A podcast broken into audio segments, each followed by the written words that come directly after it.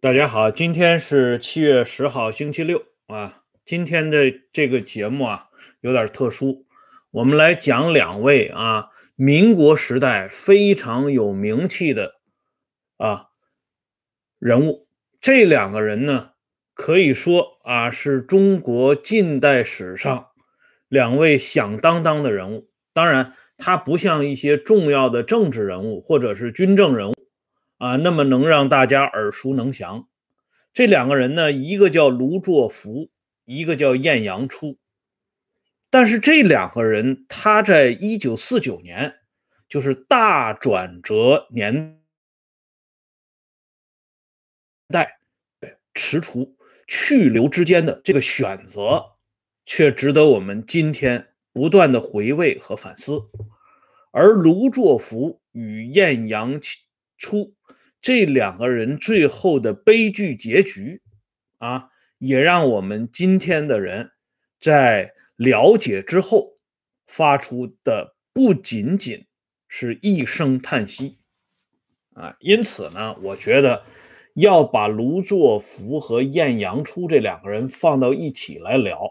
原来呢是想专门谈一谈卢作孚在一九五二年二月八号这一天突然自杀这件事情。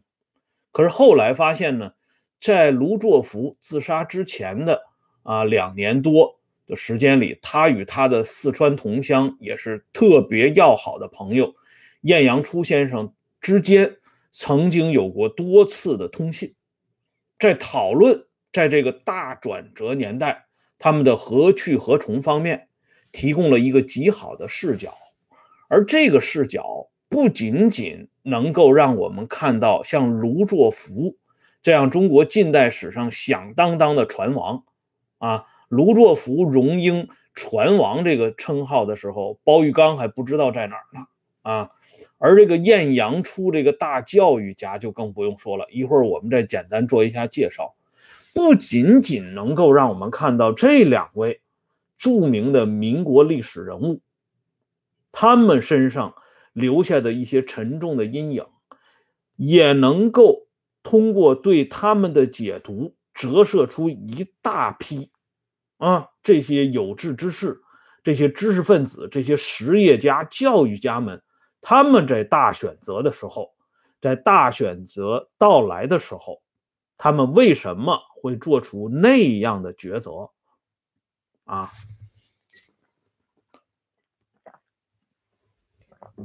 下面呢，我们先来说一下这位卢作孚先生。中国近代历史啊，是一个饱含辛酸的历史啊。在那个年代里，很多有识之士、有志之士，为了挽救中国的命运，他们可谓痛心疾首啊。像湖南的革命家陈天华，不惜倒海明志。啊，自己把自己淹死了，借此呢唤醒国人。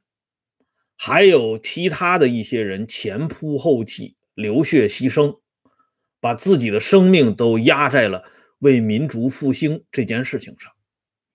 而卢作孚和晏阳初这两个人呢，他是一个非常突出的代表。他们不过问政治，他们两个人呢是另辟蹊径。其中呢，卢作孚认为要实业救国。中国之所以搞不好，是因为经济上不去。只有把经济搞上去了，老百姓富足了，哎，按照中国 古代人的说法，“昌廪足而知礼仪”，啊，这个经济富足之后呢，大家这个素质呢，自然就提升了，大家的眼界呢，也就开阔了。啊，财富自由是个人自由的先决条件，哎，所以卢作孚认为要从实业方面入手，而晏阳初呢，他则认为啊，中国的这个国民性呢有贫私懦啊等等方面这种缺陷，那么要通过教育来入手，啊，通过普及平民教育，把。大家的素质呢提升上去，哎，只有把这个教育从老百姓身上一点一滴的做起，最终呢，要培养出一些新民。啊，这是晏阳初的观点。晏阳初的观点就是去文盲，树新民。呃，因为当时中国呀，文盲太多了，四万万五千万，据说呢，有三万万人大概是处在文盲和半文盲的状态。而且这两位老先生，他不是纸上谈兵啊，不是像咱们今天坐在这里轻谈，人家是真抓实干啊。晏阳初先生呢，在中国搞了一系列的试验田，其中最有名的就是河北定县这个模范县啊，专门搞了一个试验基地，推行他的平民教育。所以那个时候，在中国，大家都知道啊，北边的是晏阳初，南边的是陶行知，这两个人一南一北，遥相呼应，推动平民教育，提升国改造国民性啊，这是行动中的鲁迅呢啊，鲁迅呢只是说说而已，但是晏阳初、陶行知他们呢是付诸于行动。当然，他这个行动呢，与鲁迅当初。了解的情况也有一些啊差异，这个我们就不聊了。而卢作孚呢，他做的贡献就更大了。这里呢，我们就举一个例子：中国抗日战争史上有一个著名的宜昌大撤啊大撤退，这个可以跟这个西方二战史上的敦刻尔克大撤退啊媲美。虽然呢，没有敦刻尔克的那么大的规模。但是对中国近现代历史的贡献，到今天作为一个正直的中国人都不应该忘记。这个历史上呢是这么记载的：一九三八年秋，宜昌沦陷前夕，卢作孚指挥大撤退，他自己创办的民生公司，用自己公司的船只，经过四十天的奋战，抢运了聚集在宜昌的。一百五十多万人，物资呢一百多万吨，为保存当时中国的经济命脉、教育文化事业做出巨大的奉献和牺牲。他自己的民生公司有十六艘被炸沉、炸毁，六十九艘呢被炸伤，一百一十七名员工壮烈殉职，七十六名员工受重伤。所以这一次宜昌大撤退，在中国抗战史上所占的地位，一点不比那些什么啊这个会战呢，那个会战会战逊色多少。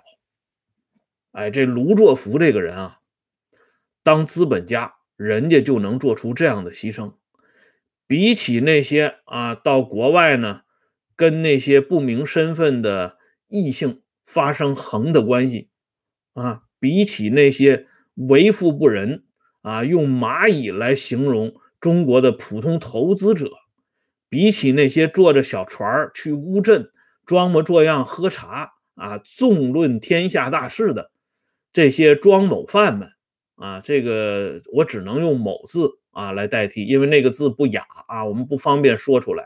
但是大家也都清楚，庄某犯们真的是不可以道理计呀啊！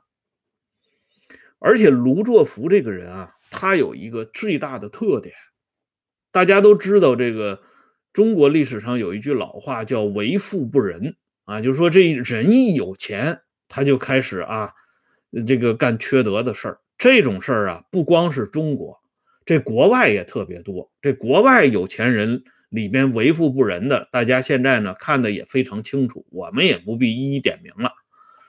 但是卢作孚这个人。他一生没有置过土地啊，没有房产，没有私人投资，没有与银行不清楚的往来，没吃过回扣，没收过贵重的礼物。这就是一个曾经被誉为中国近代船王的卢作孚先生，他的个人私德。这种人到今天。估计已经是绝迹了，哎，即使不绝迹，也应该被抓起来了。嗯，这简直是不像话！你看看，不存房子啊，不置办这个大量的金银啊，不吃回扣，尤其还不跟银行有这些不清不楚的往来，这简直是无法想象的一个人。但是这个人呢，哎，确确实实就是这个样子，不是说我们今天在这里信口雌黄，而是诸多的史料都证实卢作孚先生就是这么一个清白的人。哎，但是这个清白的人呢，到了一九五二年二月八号，却选择了自杀，并且呢没有救过来，很可惜走了。而晏阳初先生呢？这里我给大家说一下啊，这晏阳初先生在中国长时期的听不到正常的声音来对他进行描述，但是在美国，晏阳初却是大名鼎鼎。他曾经与爱因斯坦啊，曾经与莱特兄弟一起被美国人。称之为现代具有革命性贡献的十大著名人物，大家就想想这晏阳初是一个什么样的人？自己花钱，自己募捐，为了平民教育呕心沥血。而这两个人都是不过问政治的。那么到了一九四九年，翻天覆地的大变化。这个比起公元一六四四年的甲申之变还要厉害。那他们这样的人虽然不过问政治，可是这个时候政治要过问他们了。于是呢，老哥俩之间就发生了一段通信联系。时至今日呢，很多人都觉得啊，当初像陈寅恪啊，或者叫陈寅恪，他们这些人为什么主动的留在了大陆？而没有选择去跟随胡适去美国呀，或者去台湾，这是从今天的这个现实来去看历史。但如果从历史的角度来看历史，这些问题呢是早有答案啊？为什么呢？因为很简单，当时国民党政权是一个爹不亲娘不爱的，实际上是一个弃子啊。美国政府呢，早已经做出壁上观的这种姿态，对国民党政权屡次被打压、被打击，他们袖手旁观。因为美国当时相信，劳动党呢，一旦入主中国，不一定啊，与他在意识形态做正面的交锋，还会有腾挪合作的空间。而美国政府之所以能够做出这样的判断，恰恰是来自于像卢作孚、晏阳初这样干干净净的知识分子、实业家们的共识。而美国政府做出这样的判断之后，就更让这些大批的知识分子啊，大批的这些民国的著名人士认为国民党气数已尽。不能跟他一起去跳海，所以他们宁可选择留在大陆。这两者呢是互为因果的。那么在这种关键的转折时刻呢，一向不过问政治的卢作孚和晏阳初也不是完全无感。比如说晏阳初就曾经写信给卢作孚，啊，就提出来我们。在美国这边竭尽一切的努力，啊，让未来的这个中国不单独的依靠苏联，因为苏联呢是一个经济、文化、传统都非常落后的国家，这个国家呢跟美国没法比。而未来的新中国要是能够不直接在政治层面与美国发生直接的冲突的话，那么中美两国之间。一旦合作起来，比如说在经济领域、在教育领域、在科学领域啊，那么中国会一下子突飞猛进啊！中国老百姓是首先的受益者。这老哥俩呢，在通信当中聊的主题就是这两个主题。所以晏阳初就问这个卢作孚：“我们能不能做出这样的抉择？”卢作孚这个时候呢，实际上他心里比晏阳初有底，为什么呢？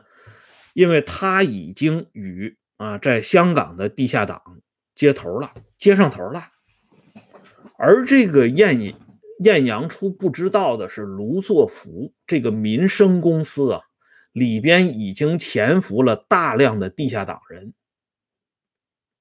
一九四六年啊，这个卢作孚先生的二公子卢国际曾经有过一本小小的回忆录，就是我的父亲卢作孚。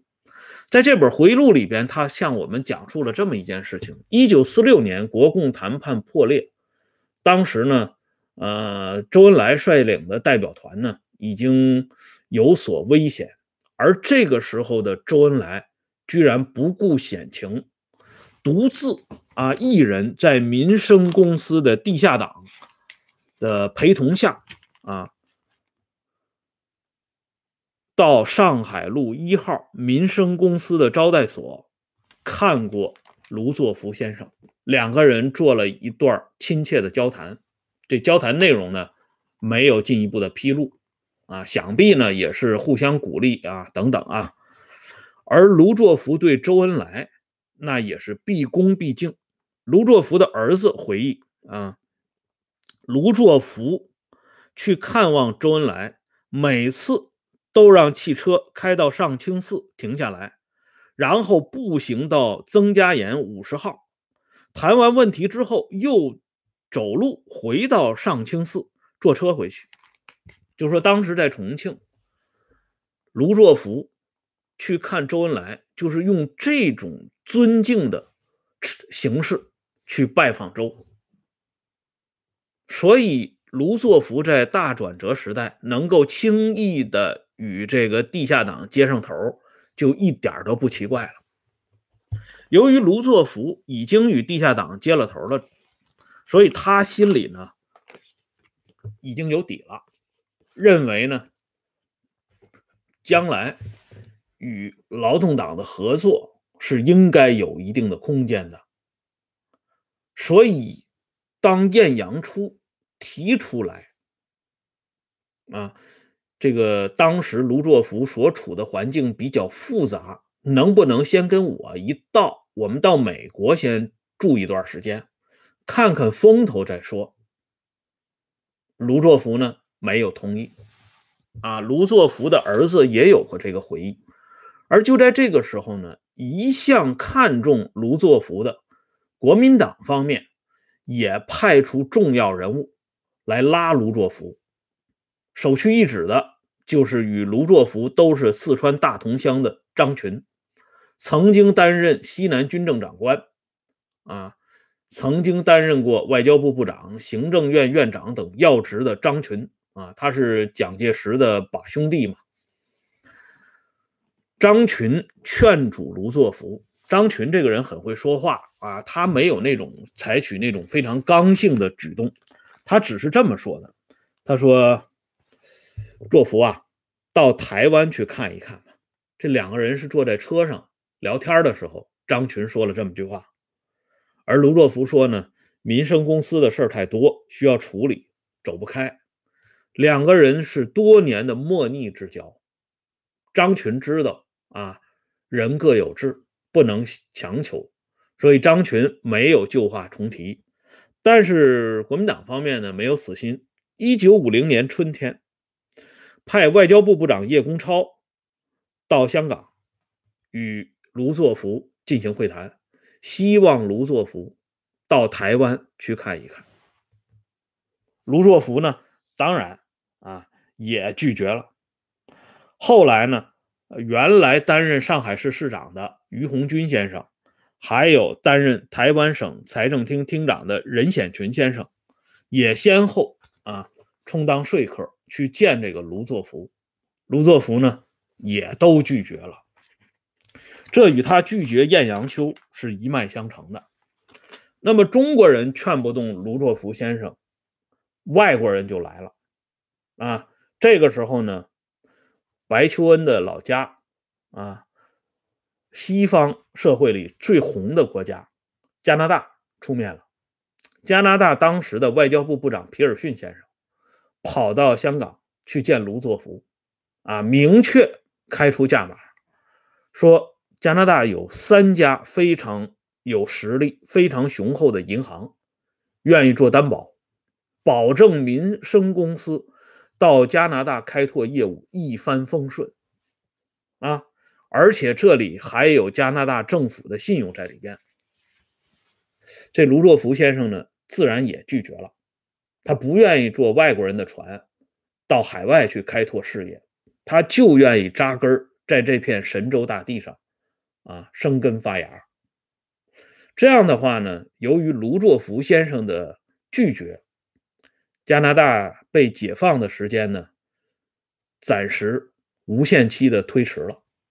否则的话，啊，以当时民生公司的内力与外力，啊，基本跟华为没啥关系了。那早七十多年前，这红旗就应该插到渥太华或者温哥华或者多伦多了。所以这一点上呢，我们真的要抱怨一下卢作孚先生，你当初为什么不答应呢？如果答应的话，今天是不是就不会有孟女士的这些乱七八糟的事情呢？对不对？哎，所以啊，卢作孚先生后来之所以走向绝境，恐怕也跟这个事情呢多多少少有点关系。当然，这是我们的胡思乱想啊，不作为历史证据出现。那么好了，卢作孚先生这颗红心呢，终于有了着落了，因为呢。他被党召唤到了北京，伟大领袖出面接见了卢作孚两次啊！大家想想，开国之际，毛泽东同志多忙啊！他要参加各种各样的会议啊，处理形形色色的文件啊，戎马倥偬之际，还要听一下侯宝林说的相声，这业余时间安排的都满满的啊！可是呢？仍然波涌啊，抽出时间来见了卢作孚两次。那周恩来见卢作孚的次数就更多了啊，包括卢作孚的老乡刘伯承都跟卢先生见了面。这卢先生见了之后啊，心情更加激动了。他认为自己当初做的这个决定没有错。而就在这个时候，有一件事情，啊，也是卢作孚啊去世前后一个非常微妙的细节发生了。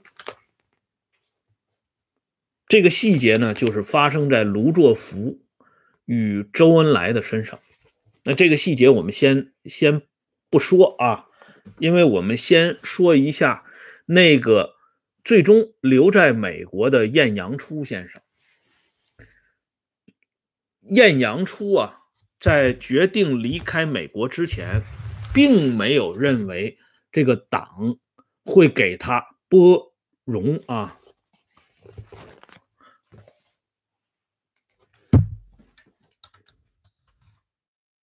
纠正一下啊，拨荣啊，不是不是拨勇啊。这个有个网友也提示啊，谢谢啊。那么。晏阳初啊，他当时的情况呢是这个样子。他一开始呢也是抱有极大的幻想，而认为这个留下来呢，如果做与政治无关的事情，应该没啥问题。可是就在这个时候，在他啊搞的这个乡村建设学院里边，发生了一件事情。这个事情是这样的，就是当时。啊，他这个乡村建设学院水利系有一个学生叫邓矿，他向社会反映了一个情况。这邓矿说呢，当时人民解放军啊没有地方住，怎么办呢？就把乡村建设学院女生宿舍给占领了。啊，解放军就住在女生宿舍里边。结果这个学校里的交通卫生啊，这个情况就受到了影响。这学生邓矿呢，就把这件事情向社会进行了公布，于是引起轩然大波。这件事情可是惹怒了当局，所以当时，呃，新中国认为啊，就是党和人民认为，乡村建设学院代理院长魏永清和副教务长史里亚是这一事件的幕后指使者，是反革命。于是呢，将这两个人立即逮捕，这个学生邓矿呢也逮捕了，川东人民法院。宣判魏永清死刑，缓期两年执行，并由此认定晏阳初主办的乡村建设学院为反动分子所掌握，以买办的资产阶级奴化思想统治学生，这是新中国断然不能允许的。一九五零年十二月二十二号，重庆市军事管制委员会发言人做书面谈话，公开。大骂晏阳初。此后，周恩来领导下的《新华日报》第一个发表文章响应。我们知道啊，晏阳初与周恩来、邓颖超夫妇关系极好，尤其与邓大姐的渊源极深。而这个时候，《新华日报》开第一炮，颇有深意。《新华日报》开炮之后，《人民日报》、《光明日报》、《天津日报》、《河南日报》、《人民教育》连续发文声讨晏阳初。在这种情况下，晏阳初再回去，那已经是不可能了。所以晏阳初就没有回去。让人感到神奇的是，晏阳初虽然没有回去，可是晏阳初的两个儿子在美国读书的两个儿子，老大呢叫晏振东，老二呢叫。晏新民啊，这两个名字呢起的都非常有深意，也是代表了晏阳初先生的一种远景规划啊。这两个儿子本来很小就送到美国读书了，况且呢，晏阳初这个家庭呢也已经是呃接受了西方的一些啊东西，这个家庭就是这个西化程度比较深的。可是这两个儿子呢，却向他爸爸表示。只有共产主义才能救中国。这俩儿子在美国也不打算读书了，要回到新中国参加这种热火朝天的建设。而这个已经得知乡村建设学院在中国被臭骂的已经是臭烘烘的这个晏阳初先生呢，居然对两个儿子要回到新中国参加建设表示赞成啊，认为这两个儿子有宏图远志，了不起。啊，欢送，把这两个儿子活生生的送回了祖国。晏阳初呢，还有一个小儿子叫晏福民，他去哪儿了呢？他哪儿也没去，因为他是当时全国学联主席。大家想想这个位置，也就知道了。这晏阳初的小儿子晏福民红到什么程度？后来担任贺龙手下的国家体育运动委员会国际司司长。所以晏阳初三个儿子。都回到了新中国，啊，只有这两个女儿呢陪晏阳初夫妇在美国，而这三个儿子回去之后呢，他们的命运非常有意思了。这里呢，我先给大家介绍一下，这大儿子晏振东啊，在石油系统工作，然后呢，作为反革命分子下放江西改造；二儿子晏新民呢。一直从事音乐教学，啊，也跟政治没关系。结果，在一九五七年被划为右派分子，几十年如一日接受劳动改造和监督。这哥俩呢，有一个共同点，就是殊途同归的地方。因为这俩人后来都是中风瘫痪，成为半身不遂。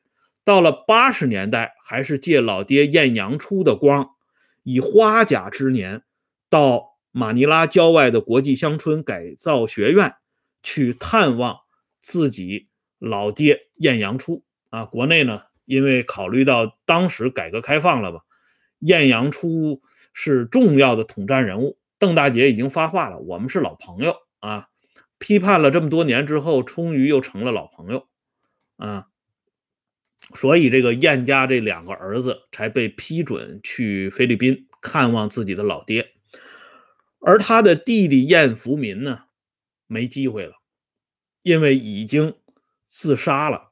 晏福民的死呢，晏阳初一直不知道啊，直到后来啊，家里人就是晏福民的老婆孙叶青到美国之后，才向晏阳初披露出来。老爷子呢是悲伤不已啊。这个这件事情呢，我就回到刚才晏阳初这三个儿子起的名字上面。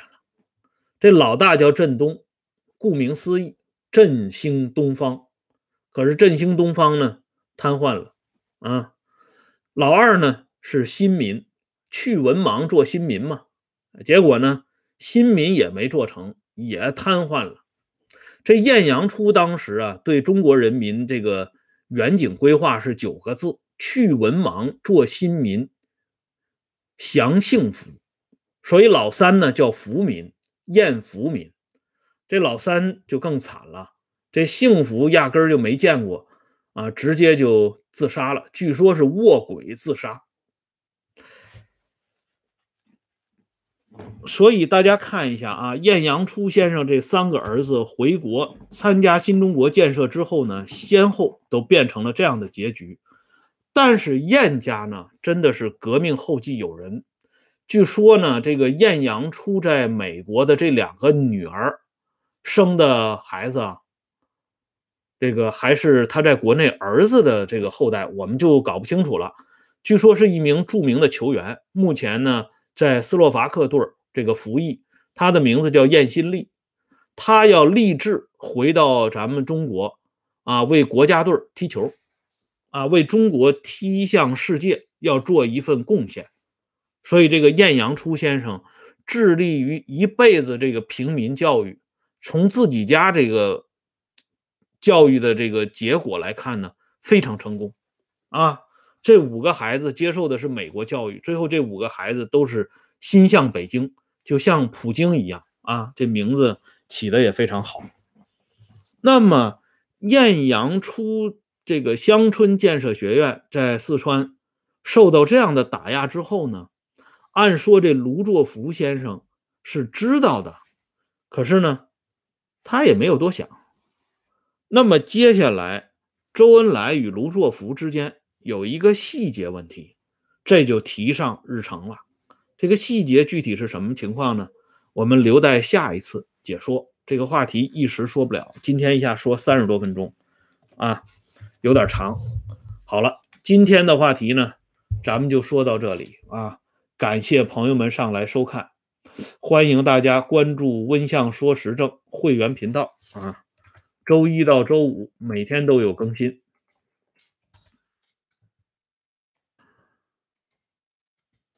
还有呢，就这个温相传媒啊，这个备用号开了，感兴趣的朋友呢，还可以这个订阅啊。